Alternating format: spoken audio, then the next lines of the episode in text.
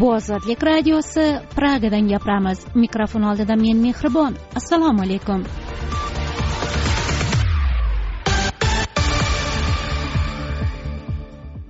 bugun dasturimizda vazirlik talabalarni auditoriyalarga qaytarmoqchi talabalar qaytmoqchi emas qassoblar toshkentda go'sht narxi sun'iy oshmasligi uchun bozor mafiyasini yo'q qilishni talab qilishmoqda tog'li qorabog'da to'qnashuvlar davom etmoqda. Otash kesim taqdiri xavf ostida. Tafsilotlar uchun to'lqinlarimizda qoling.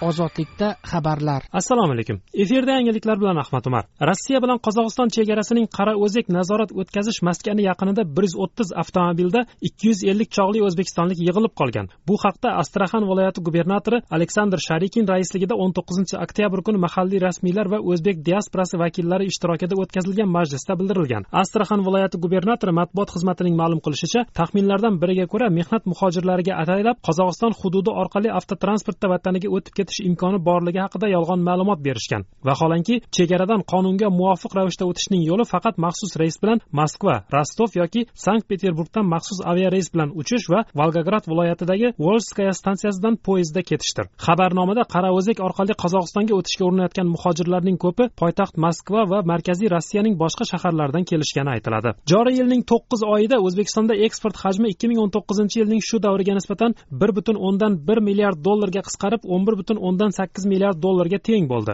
Bu haqda o'zbekiston markaziy banki ikki ming yigirmanchi yilning to'qqiz oyi yakuni bo'yicha to'lov balansi joriy operatsiyalari hisobining dastlabki ko'rsatkichlari sharhida bayon qilgan. Markaziy bank bu yilgi eksport hajmi qisqarishini jahon bozorlarida energiya resurslari narxining tushishi shuningdek koronavirus pandemiyasi ortidan jahon iqtisodiyoti o'sish sur'atlarining sekinlashishiga bog'lagan. Ayni paytda ikki ming yigirmanchi yilning yanvar sentyabr oylarida tovarlar va xizmatlar importi o'tgan yilning shu davriga nisbatan uch butun o'ndan to'rt milliard dollarga qisqarib o'n olti butun o'ndan bir milliard dollarni tashkil etgan. O'zbek tili bayrami hisoblanmish yigirma birinchi oktyabrni shu yil aprelida qabul qilingan qonunga muvofiq dam olish kuni sifatida belgilanganiga oid xabar yolg'on va haqiqatga to'g'ri kelmaydi. Bu haqda axborot va ommaviy kommunikatsiyalar agentligiga qarashli anti fake uz telegram kanali ma'lumot tarqatdi. Avvalroq ijtimoiy tarmoqlarda mazkur kunni dam olish kuni o'laroq belgilanganiga oid xabarlar tarqalgan edi. Qayd etilishicha o'zbek tili bayrami kunini belgilash to'g'risidagi o'zbekiston respublikasi qonunida yigirma birinchi oktyabrni dam olish kuni etib belgilash qayd etilmagan. O'zbek tili bayrami kunini belgilash to'g'risidagi qonun prezident shavkat mirziyoyev tomonidan ikki ming yigirmanchi yil o'ninchi aprel kuni imzolangan. International consulting group platformasi faoliyatidan zarar ko'rgan bir guruh fuqaro o'n sakkizinchi oktyabr kuni bosh prokuraturaning qabulxonasi oldida piket uyushtirdi. Bosh prokuraturaning o'n to'qqizinchi oktyabrda rasman bildirishicha piketga chiqqanlardan international consulting group rahbarlari aleksey meng va a. Malatyagin ustidan jami o'ttiz uchta murojaat qabul qilingan. Murojaatlarda ular international consulting group platformasiga sarmoya kiritgani va firibgarlik harakatlari oqibatida moddiy zarar ko'rganliklarini bildirganlar. Aqshning nyu york shtati sharqiy okrugi prokuraturasi rossiya fuqarosi ekani taxmin etilgan va o'g'irlangan elektronik jihozlar kontrabandasi bilan shug'ullangan o'n nafar gumonlanuvchiga ayblov e'lon qildi. Tergov vakillari mulohazasicha ular aeroflot aviashirkati xodimlari xizmatidan foydalangan holda aqshdan o'g'irlangan apple jihozlarini olib chiqish bilan shug'ullanganlar. Shu vajdan aviashirkatning bir yuz o'n uch xodimiga berilgan aqsh vizalari chaqirtirib olingan. Gumonlanuvchilardan sakkiz nafari hibsga olingan yana ikki nafariga nisbatan qidiruv e'lon qilingan. Iddaolarga ko'ra ular aqshdan rossiyaga qiymati taqriban ellik million dollarlik o'g'irlangan elektronik jihozlarni olib chiqish sxemasini tashkil qilganlar. Parij yaqinidagi konflansien onorin shaharchasida boshi tanasidan judo qilingan semyuel pati fransiyadagi eng oliy mukofot faxriy legion ordeni bilan taqdirlandi. Bu haqda bfm tv kanali efirida mamlakat ta'lim vaziri jan mishel blanki ma'lum qildi. Mukofotni topshirish marosimi yigirmanchi oktyabr kuni parij markazidagi sarbonnada bo'lib o'tadi. Qozog'istonning olmaota shahrida sobiq prezident nursulton nazarboyevning smaylikchalarini chizgan va bisen taxallusi bilan mashhur bo'lgan dizayner sabit siraxan noma'lum shaxslar tomonidan kaltaklab o'ldirildi bu haqda uning do'stlari ijtimoiy tarmoqlarda xabar berdilar bisen endi biz bilan emas do'stimni tepkilab ketishibdi hayvonlar birorta sog' joyi qolmabdi uni poyabzalidan tanidik deb yozdi instagram sahifasida reper bekbolot qaydarov olmaota politsiyasi sabit siraxanni o'ldirganlikda gumonlab dizayner bilan yurgan qizning akasini qo'lga oldi politsiyaning bildirishicha gumonlanuvchi dastlabki tergovda dizaynerni kaltaklab o'ldirganini tan olgan xabarlar bilan tanishdingiz. Boshqa yangiliklar ozodlik org saytida. Hurmatli tinglovchi chexiyada ham koronavirus xavfi yuqorilagani sababli ozodlik xodimlarining asosiy qismi uyidan turib ishlamoqda. Lavhalar studiya sharoitida yozilmagani bois ba'zi texnik nuqsonlar bo'lsa uzr so'raymiz. Ozodlik yaqin kunlarda normal ish sharoitiga qaytadi deb umid qilamiz.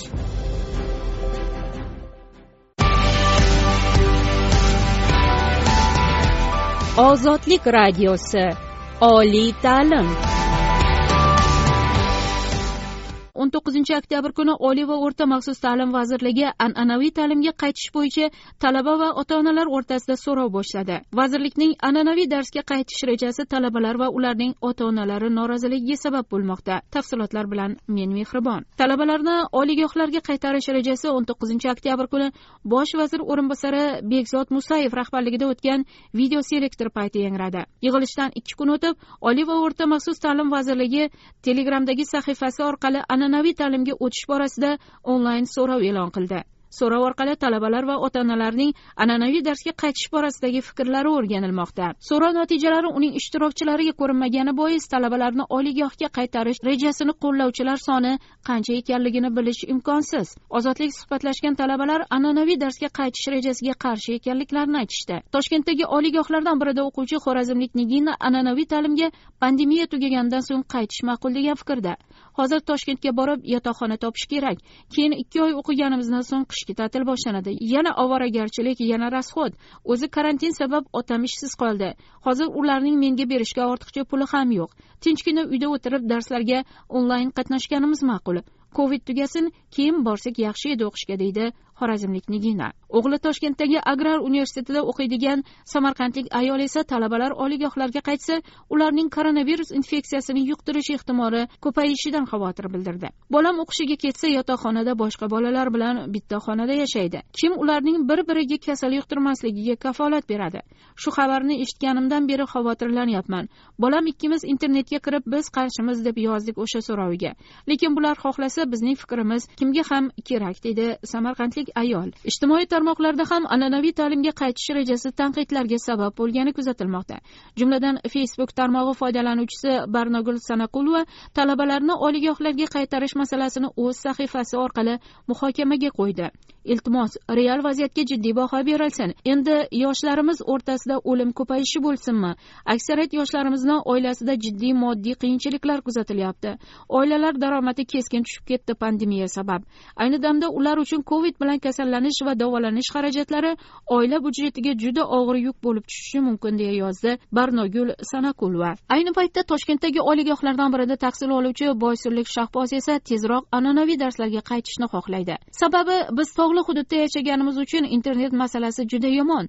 Onlayn darslarning hammasiga ham qatnasha olmadim. Qatnashgan paytlarim ham internet qotib qolib darsda to'liq qatnashish imkoni bo'lmadi. Shuning uchun tezroq institutga borsak yaxshi edi.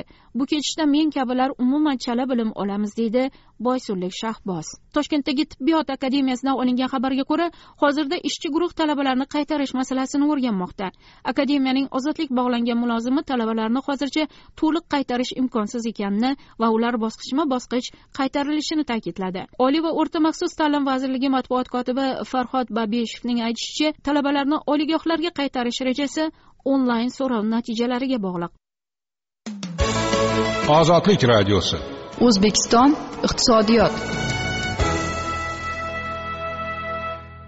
Ozodlikka murojaat qilgan qassoblar toshkentda go'sht narxi sun'iy oshmasligi uchun bozor mafiyasini yo'q qilishni so'radi.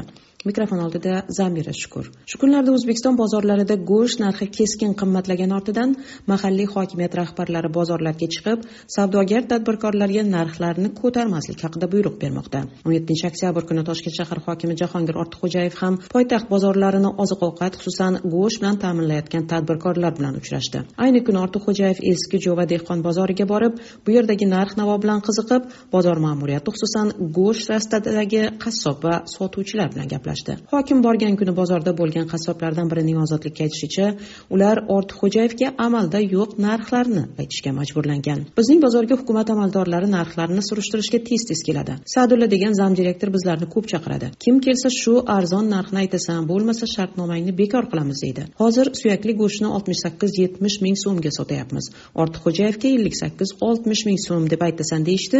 Shunday deb aytdik. Hokimga ma'qul keldi bu narx. Aslida bunaqa pulga go'sht yo'q bozorda. Lahm umuman sotmaysanlar deb zam direktor aytgan. Lahm obeddan so'ng chiqaramiz rahbarlar odatda obedgacha kelib ketadi. Lahm bugun sakson mingdan kam sotilmadi. Hokim esa bizga oltmish mingdan oshmasin deb buyruq berib ketgan dedi eski jo'vadagi go'sht furushlardan biri. Jahongir ortiqxo'jayevning eski jo'va safariga guvoh bo'lgan qassoblarning aytishicha poytaxt hokimi ulardan go'sht narxini arzonlatish uchun nima qilish kerakligini so'ragan. Men ham o'sha joyda edim g'alag'ovur bo'ldi. Molga beriladigan yem xashakni arzonlashtirish kerak chorvadorlarga yer berish kerak deyildi. Keyin qassoblardan kimdir anvar haqida shikoyat qildi. Hokim anvarni yaxshi bilarkan. Arizasini olinglar bozorda boshqa ko'rinmasin dedi jahl bilan. Mana ikki kundan beri u ko'rinmay turibdi dedi. Ismini ochiqlamay turib gapirgan qassoblardan yana biri. Ozodlik suhbatdoshlari anvar kim degan savolga uning toshkentda ko'pchilik go'sht quroli sifatida taniydigan shaxs ekanini aytdi. Anvar rasman bozorda farrosh amalda esa yillardan beri toshkentdagi go'sht narxini sun'iy ravishda oshirib kelayotganlardan biri. Misol uchun xolodilniklar orasida mijozlarga qulaylik yaratish maqsadida taxta stol qo'yilgan. Ushbu stollarda biz qassoblar go'sht mahsulotini sotish uchun anvar orqali bozorga oyiga to'rt yuz ming so'mdan norasmiy pul to'lab kelamiz. Bu rasmiy olti yuz yetmish besh ming so'mlik patentning ustiga. Bunday stollardan sanasak yuzdan oshiq. Bu esa oyiga qirq million so'm yig'ish deganidir. Bu pulni chiqarish uchun uni sotadigan go'sht ustiga qo'shishga majbur bo'lamiz. Shuning uchun go'sht narxi ham qimmatlaydi dedi ozodlik gaplashgan qassoblardan biri. Ayni paytda ozodlik suhbatdoshlari jahongir ortiqxo'jayevning buyrug'iga qaramay bozordagi qassoblardan pul yig'ish sxemasining to'xtashiga ishonmasliklarini bildirdilar. Bugundan yangi go'sht qiroli uning o'rniga ish boshladi. Yangi qirol munitsipal aktivlarni boshqarish markazi rahbarlaridan biri. Anvar ketishi bilan eski starshiy qassoblar to'lanayotgan norasmiy to'rt yuz ming so'm baribir to'lanishi faqat endi uni nt nazoratiga olganini aytishdi.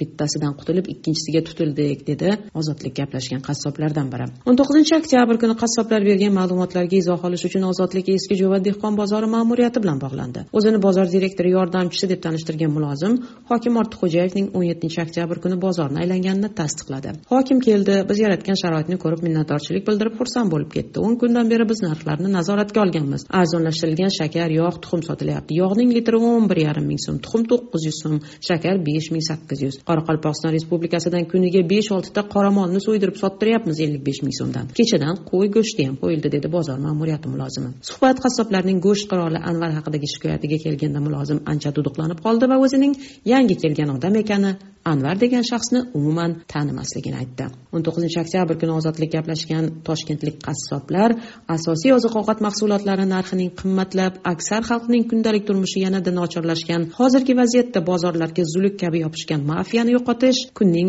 dolzarb vazifasiga aylanganini ta'kidladi. Ozodlik radiosi xalqaro hayot. Tog'li qorabog'da to'qnashuvlar davom etmoqda. Otash kesim taqdiri xavf ostida tafsilotlar bilan men mehribon. Bmt bosh kotibining o't ochishni to'xtatish chaqiriqlariga qaramay ayirmachi tog'li qorabog'da armaniston va ozarbayjon o'rtasida to'qnashuvlar davom etmoqda.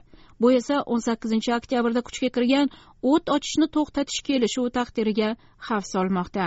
o'n yettinchi oktyabrda e'lon qilingan otash kesim yigirma yettinchi sentyabr kuni boshlanib ketgan harbiy to'qnashuvlarni to'xtata olmayapti. Etnik armanlar boshqaruvidagi tog'li qorabog' rasmiylari yigirmanchi oktyabr kuni ozarbayjon artilleriya hujumlarini davom ettirganini bildirdi. Ozarbayjon mudofaa vazirligi ham bir necha hududda jumladan tog'li qorabog'ni ozarbayjondan ajratib turuvchi aloqa liniyasi bo'ylab shiddatli janglar davom etayotganini bildirdi. Bugunga qadar to'qnashuvlar yuzlab odam umriga zomin bo'ldi. Bu ketishda mojaro gumanitar bo'hron keltirib chiqarishi haqida xavotirlar kuchaymoqda. O'n to'qqizinchi oktyabr kuni ayirmachi tog'li qorabog'ning yetakchilari bugunga qadar yetti yuz yigirma to'qqiz askar hamda o'ttiz yetti nafar oddiy fuqaro nobud bo'lganini bildirishdi. Ozarbayjon esa oltmish bir nafar oddiy fuqaro halok bo'lganini ikki yuz sakson ikki nafar odam jarohat olganini bildirdi. Rasmiy baku harbiy yo'qotishlarni ochiqlagani yo'q. Ozarbayjon hujumlarni qaytarganini va vaziyatni nazorat qilayotganini iddao qilmoqda. O'n to'qqizinchi oktyabr kuni armaniston bosh vaziri nikol pashinyan hamda ozarbayjon prezidenti ilhom aliyev rossiyaning tass agentligiga alohida alohida intervyu berib moskvada muzokara olib borishga tayyor ekanliklarini izhor qilishdi. Bu orada bmt xavfsizlik kengashi armanistonni va ozarbayjonni o't ochishni to'xtatishga chorladi. Avvalroq tashkilot bosh kotibi antonio guterrish tarafdorlarni bitim shartlariga amal qilishga chorlab oddiy fuqarolar nishonga olinayotganini keskin qoralagan edi. Rossiyaning bmtdagi elchisi vasiliy nebenziyaning aytishicha xavfsizlik kengashi a'zolari otashkesimga amal qilinayotganini tasdiqlash mexanizmini yo'lga qo'yishni muhokama qilishgan. Nebenziya bunday mexanizmni yevropada xavfsizlik va hamkorlik tashkiloti yo'lga qo'yishi mumkinligini aytdi. Afp agentligining xabar qilishicha ayni damda xavfsizlik kengashiga yetakchilik qilayotgan rossiya tarafdorlarini otashkesimga amal qilishga chorlovchi bildiruvni hozirlamoqda. Bildiruvda armanistonni va ozarbayjonni minsk guruhi doirasida muzokaralarni davom etishga chaqirilishi kutilmoqda. Yhxt tashabbusi ostida ochilgan minsk guruhi ikki mamlakatni mojaroga tinch yechim topishga undab kelmoqda. Guruhga fransiya rossiya va qo'shma shtatlar yetakchilik qiladi. O'tgan haftada rossiya vositachiligida erishilgan bitim mojaroni to'xtata olmadi. Hudud ayni damda bir ming to'qqiz yuz to'qson to'rtinchi yilda ozarbayjon va armaniston qonli urushni to'xtatishga kelishib olganidan buyon eng shiddatli to'qnashuvlarga sahna bo'lmoqda. Ozodlikni tinglayapsiz dasturimiz davomida. Taniqli san'atkor nozim to'laxo'jayev o'zbek multfilm san'atini bo'yniga tosh poylab cho'ktirishyapti deya iddao qildi. Prezident uy tuhfa qilgan jurnalist o'ziga dxx tergovchisi qamash bilan tahdid qilayotganini ochiqladi. Buxoroda o'qituvchilar terimchi yig'ishga safarbar etildi. Dastur davomida mintaqa va xalqaro hayotga oid boshqa mavzular ham o'rin olgan. Tafsilotlar uchun to'lqinlarimizda qoling.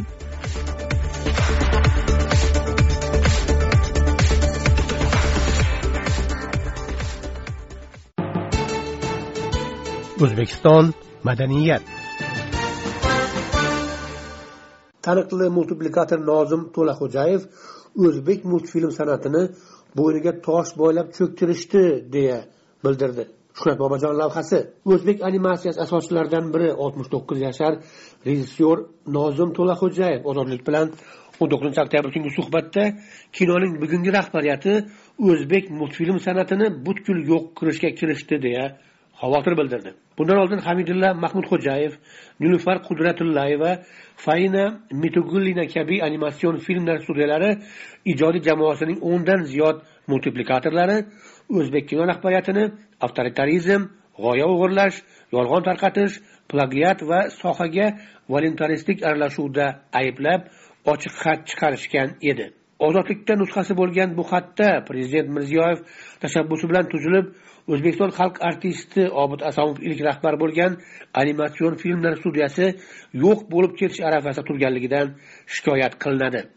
O'zbek kino milliy agentligi matbuot xizmati vakili nozim safariy ozodlik bilan o'n to'qqizinchi oktyabr kungi suhbatda shikoyatchilarning talabi asossiz ekanini ta'kidlaydi.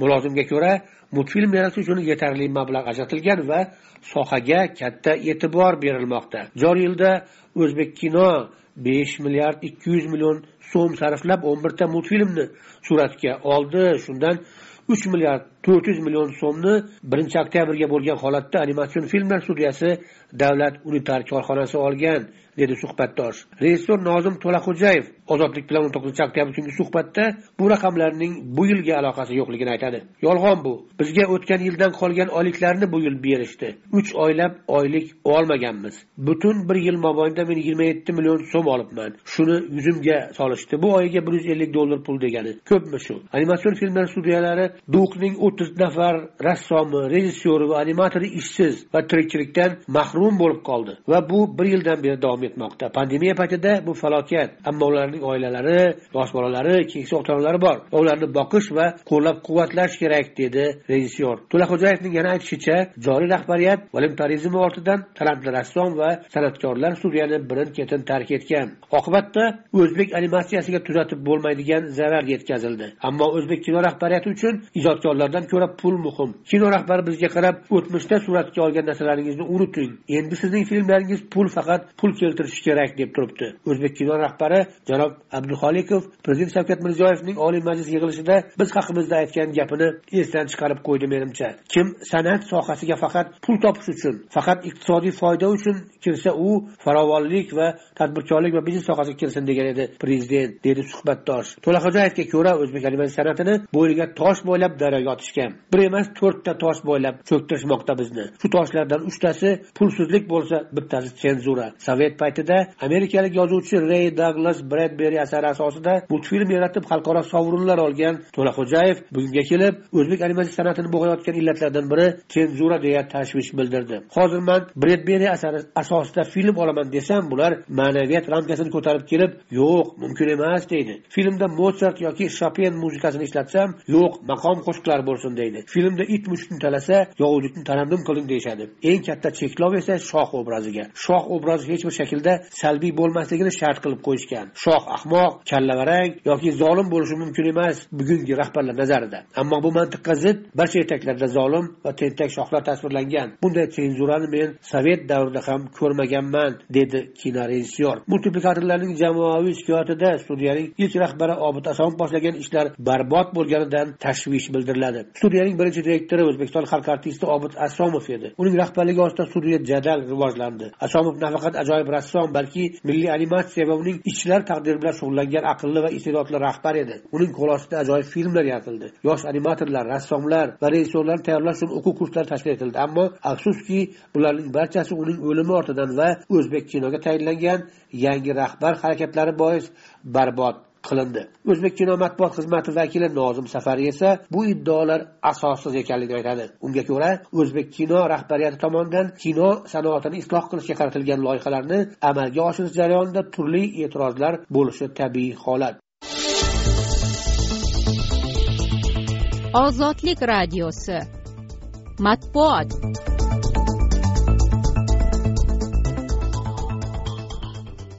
O'zbekistonlik taniqli jurnalist bobomurod abdullayevga o'n to'qqizinchi oktyabr kuni davlat xavfsizlik xizmati tergovchisi bahrom karimov qamash bilan tahdid qilgan.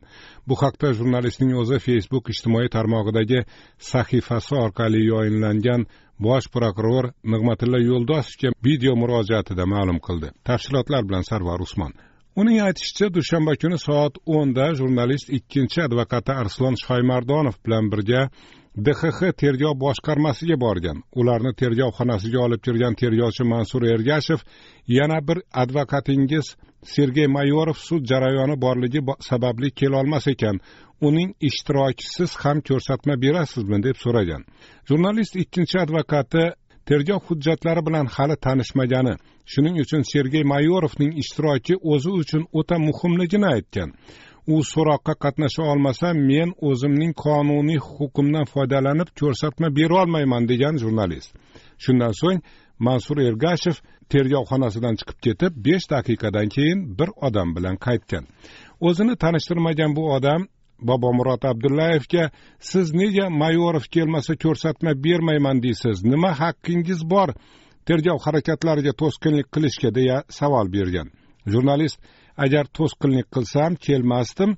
Yoki bosh tortgan bo'lardim. Mana keldim chaqiruv qog'ozi bo'yicha. Ikkinchi advokatim ham keldi. Lekin mayorov harbiy sudda jarayon bo'lgani uchun qatnasha olmas ekan. Uning ishtirokisiz ko'rsatma berolmayman deyapman. Tergovdan bosh tortganim yo'q degan. Shundan so'ng haligi odam siz o'zingizcha oyoq tiraydigan bo'lsangiz bugun mana shu yerda sizni qamaymiz. Tergovga to'sqinlik qilyapti deb. Ehtiyot chorasini qamoqqa o'zgartirib shu yerda olib qolaman degan va ikkinchi advokat arslon shaymardonov haqida tahqirli so'zlar aytgan. Jurnalist undan o'zini tanishtirishni so'raganda u bo'lim boshlig'i bahrom karimov ekanini aytgan. Shundan keyin u jurnalistga ko'ra advokat mayorovning tushdan keyin ham harbiy sudda mahkama jarayoni borligini bila turib keyingi tergovni o'n to'qqizinchi oktyabr soat o'n olti nol nolga belgilagan. Bosh prokurorga video murojaati yakunida bobomurod abdullayev dxx tergov boshqarmasidagi bo'lim boshlig'i bahrom karimovga qonuniy chora ko'rishni so'ragan. Jurnalist abdullayev kuni kecha o'ziga o'zbekiston prezidenti shavkat mirziyoyev tomonidan toshkent shahridagi green park turar joy majmuasidan yangi uch xonali kvartira sovg'a qilgani haqida bildirgan va buning uchun prezidentga o'z minnatdorchiligini izhor qilgan edi. Qirg'iziston davlat milliy xavfsizlik qo'mitasi bobomurod abdullayevni shu yilning sakkizinchi avgustida o'zbekiston tomonining rasmiy so'roviga binoan bishkekda ushlagan va yigirma ikkinchi avgustda o'zbekistonga topshirgandi. Yigirma ikkinchi avgustda toshkentda dxx xodimlari tarafidan sakkiz soat so'roq qilinishi ortidan abdullayev qo'yib yuborilgan. Ammo unga qarshi ish hali yopilmagan. O'zbekiston shu paytgacha jurnalistning nimada ayblanayotgani tafsilotlariga rasman oydinlik kiritgan emas. Abdullayevga qo'yilgan ayblovlarning mazmun mohiyati mavhum qolmoqda. Jurnalistning o'zi hali bishkekda qo'lga olingan paytda uni qora mergan taxallusi ostida hukumatga qarshi tanqidiy maqolalar yozayotganlikda ayblayotganliklarini ta'kidlagandi. Bobomurod abdullayev bu ayblovlarni keskin rad etgan. Bobomurod abdullayev o'n yettinchi yilda ham o'zbekiston konstitutsiyaviy tuzumini ag'darib tashlash maqsadida fitna uyushtirish jinoyatida gumon qilinib qamoqqa olingan o'n sakkizinchi yil mayida esa sud zalidan ozod qilingan edi. Dolzarb mavzu. Ijtimoiy tarmoqlarda sog'liqni saqlash vazirligi rasmiysi zangiotadagi maxsus shifoxona xodimlariga qamattiraman deb tahdid qilgani qayd etilgan audio yozuv tarqaldi. Tafsilotlar bilan barno anvar sog'liqni saqlash vazirligi mulozimi zangiota tumanida koronavirus bemorlari uchun qurilgan shifoxona xodimlarini o'z ishiga mas'uliyatsizlik o'g'irlikda ayblagani qayd etilgan audio yozuv ijtimoiy tarmoqlarda tarqaldi. Kunuz nashrining xabar qilishicha audioda sog'liqni saqlash vazirining birinchi o'rinbosari abduhakim hojiboyevning ovozi qayd etilgan va buni sog'liqni saqlash vazirligi matbuot xizmati tasdiqlagan. Shuningdek matbuot xizmati audioda maxsus shifoxona uchun ajratilayotgan resurslar o'g'irlanayotgani bemorlar kislorod bosimi tushib ketgani uchun vafot etayotgani ketayotgani dorilarni esa o'zi sotib olishga majbur bo'layotgani haqida aytilgan ayblovlarni ham barchasi asosli e'tirozlar va to'g'ri talablar deb izohlagan. Ellik daqiqalik audio yozuvda sog'liqni saqlash vazirligi mulozimi toshkent viloyatining zangiota tumanida tibbiy xodimlar va shifokorlarni o'z xizmat vazifasini bajarmaslikda ayblaydi. So'ngra bu yerdagi shifokorlar ustidan prokurorga arz qilishi ularni qamattirishini aytib tahdid qiladi. Hozir ushbu audio yozuvdan aynan ko'chirilgan ba'zi jumlalarni eshiting. Yigirma yildan beri vrachlarni qamoqdan qutqarib kelganman. Endi fikrim o'zgarmoqda. Vrachlarni qamash kerak deyman. Men o'zim ularni qamattiraman zangiotadan boshlaymiz. Bir oyga bitta shu klinikaga qirq milliard so'm ketyapti. O'sha qirq milliardni to'qson foizi sizlarning shifokorlar nazarda tutilmoqda maoshlaringizdir. Kislorod davleniyasi tushib ketayotgani uchun har kuni bir nechta odam o'lyapti. Ishlatmasdan turib o'g'irlaydi. Hammasi o'g'ri bularning. Afsuski bu fakt deyiladi ijtimoiy tarmoqlarda tarqalgan audio yozuvda. Mahalliy nashrlar audio yozuvni e'lon qilmadi ammo ijtimoiy tarmoqlarda qator blogerlar ayni jumlalar aks etgan va aynan sog'liqni saqlash vazirligi mulozimiga tegishli ekani aytilgan ellik daqiqalik audioni e'lon qildi. Kunuz nashrining xabar qilishicha vazirlik matbuot kotibi furqat sanayev audioda sog'liqni saqlash vazirining birinchi o'rinbosari abduhakim hajjiboyevning ovozi qayd etilganini tasdiqlagan. Matbuot kotibi mulozim nutqidagi tahdid va ayblovlarni biroz mubolag'a yoki po'pisa qilingan bo'lishi mumkin deb izohlagan. Matbuot kotibidan kunuz nashri keltirgan iqtibosda shunday deyiladi sog'liqni saqlash vazirining birinchi o'rinbosari abduhakim mo'minovichning so'zlari biroz asabiy va jahl aralashgan tuyulishi mumkin lekin barchasi asosli e'tirozlar va to'g'ri talablar. Har biri bemorlar tezroq sog'ayishi va xalqimiz manfaati uchun aytilgan. Albatta yig'ilishda ta'sirchanlikni oshirish uchun biroz mubolag'a yoki po'pisa qilingan bo'lishi mumkin lekin buning ham o'ziga yarasha sabablari bor deya iqtibos keltirdi sog'liqni saqlash vazirligi matbuot kotibi furqat sanayevdan kun uz nashri. Vazirlik matbuot xizmati ozodlik savollarini muntazam ravishda javobsiz qoldirib måte. Toshkent viloyatining zangiota tumanidagi shifoxona covid o'n to'qqiz bemorlarini davolash uchun maxsus qurilgan va uning bir qismi shu yilning yigirma to'qqizinchi mayida prezident ishtirokida foydalanishga topshirilgan edi. Toshkent shahri va toshkent viloyati mamlakatda koronavirus bemorlari eng ko'p qayd etilayotgan ikki yirik hudud bo'lib qolmoqda. Bemorlarning katta qismi shu shifoxonada davolanmoqda. Shifoxonada bemorlarga davlat tomonidan bepul ajratilayotgani aytilgan dori darmonlarning to'liq berilmayotgani bemorlar qimmat dorilarni sotib olishga majbur bo'layotgani bundan tashqari xastalar vaqtida muolaja qilinmayotgani haqida ozodlikka ham ko'plab shikoyatlar kelgan. Ayni muassasada ishlayotgan shifokorlar esa bemorlar soni favqulodda oshib borayotgani muassasada tibbiy xodim va shifokorlar soni yetmayotgani bepul dori darmon ta'minotida uzilishlar bo'layotgani shuningdek tibbiy xodimlarga va'da qilingan ish haqi ham vaqtida berilmayotgani haqida shikoyat qilishadi. Sog'liqni saqlash vazirligi mulozimining audioyozuvda qayd etilgan tahdidlariga qaraganda endilikda koronavirus bemorlarining asosiy qismini davolayotgan bu muassasada yuzaga kelgan kompleks muammolar uchun tunu kun ishlayotgan tibbiyot xodimlarining o'zlari ayblanmoqda. Ozodlikni tinglayapsiz o'zbekiston mintaqa va jahon yangiliklarini ozodlik bilan birga kuzatishda davom eting. Xayrli kun!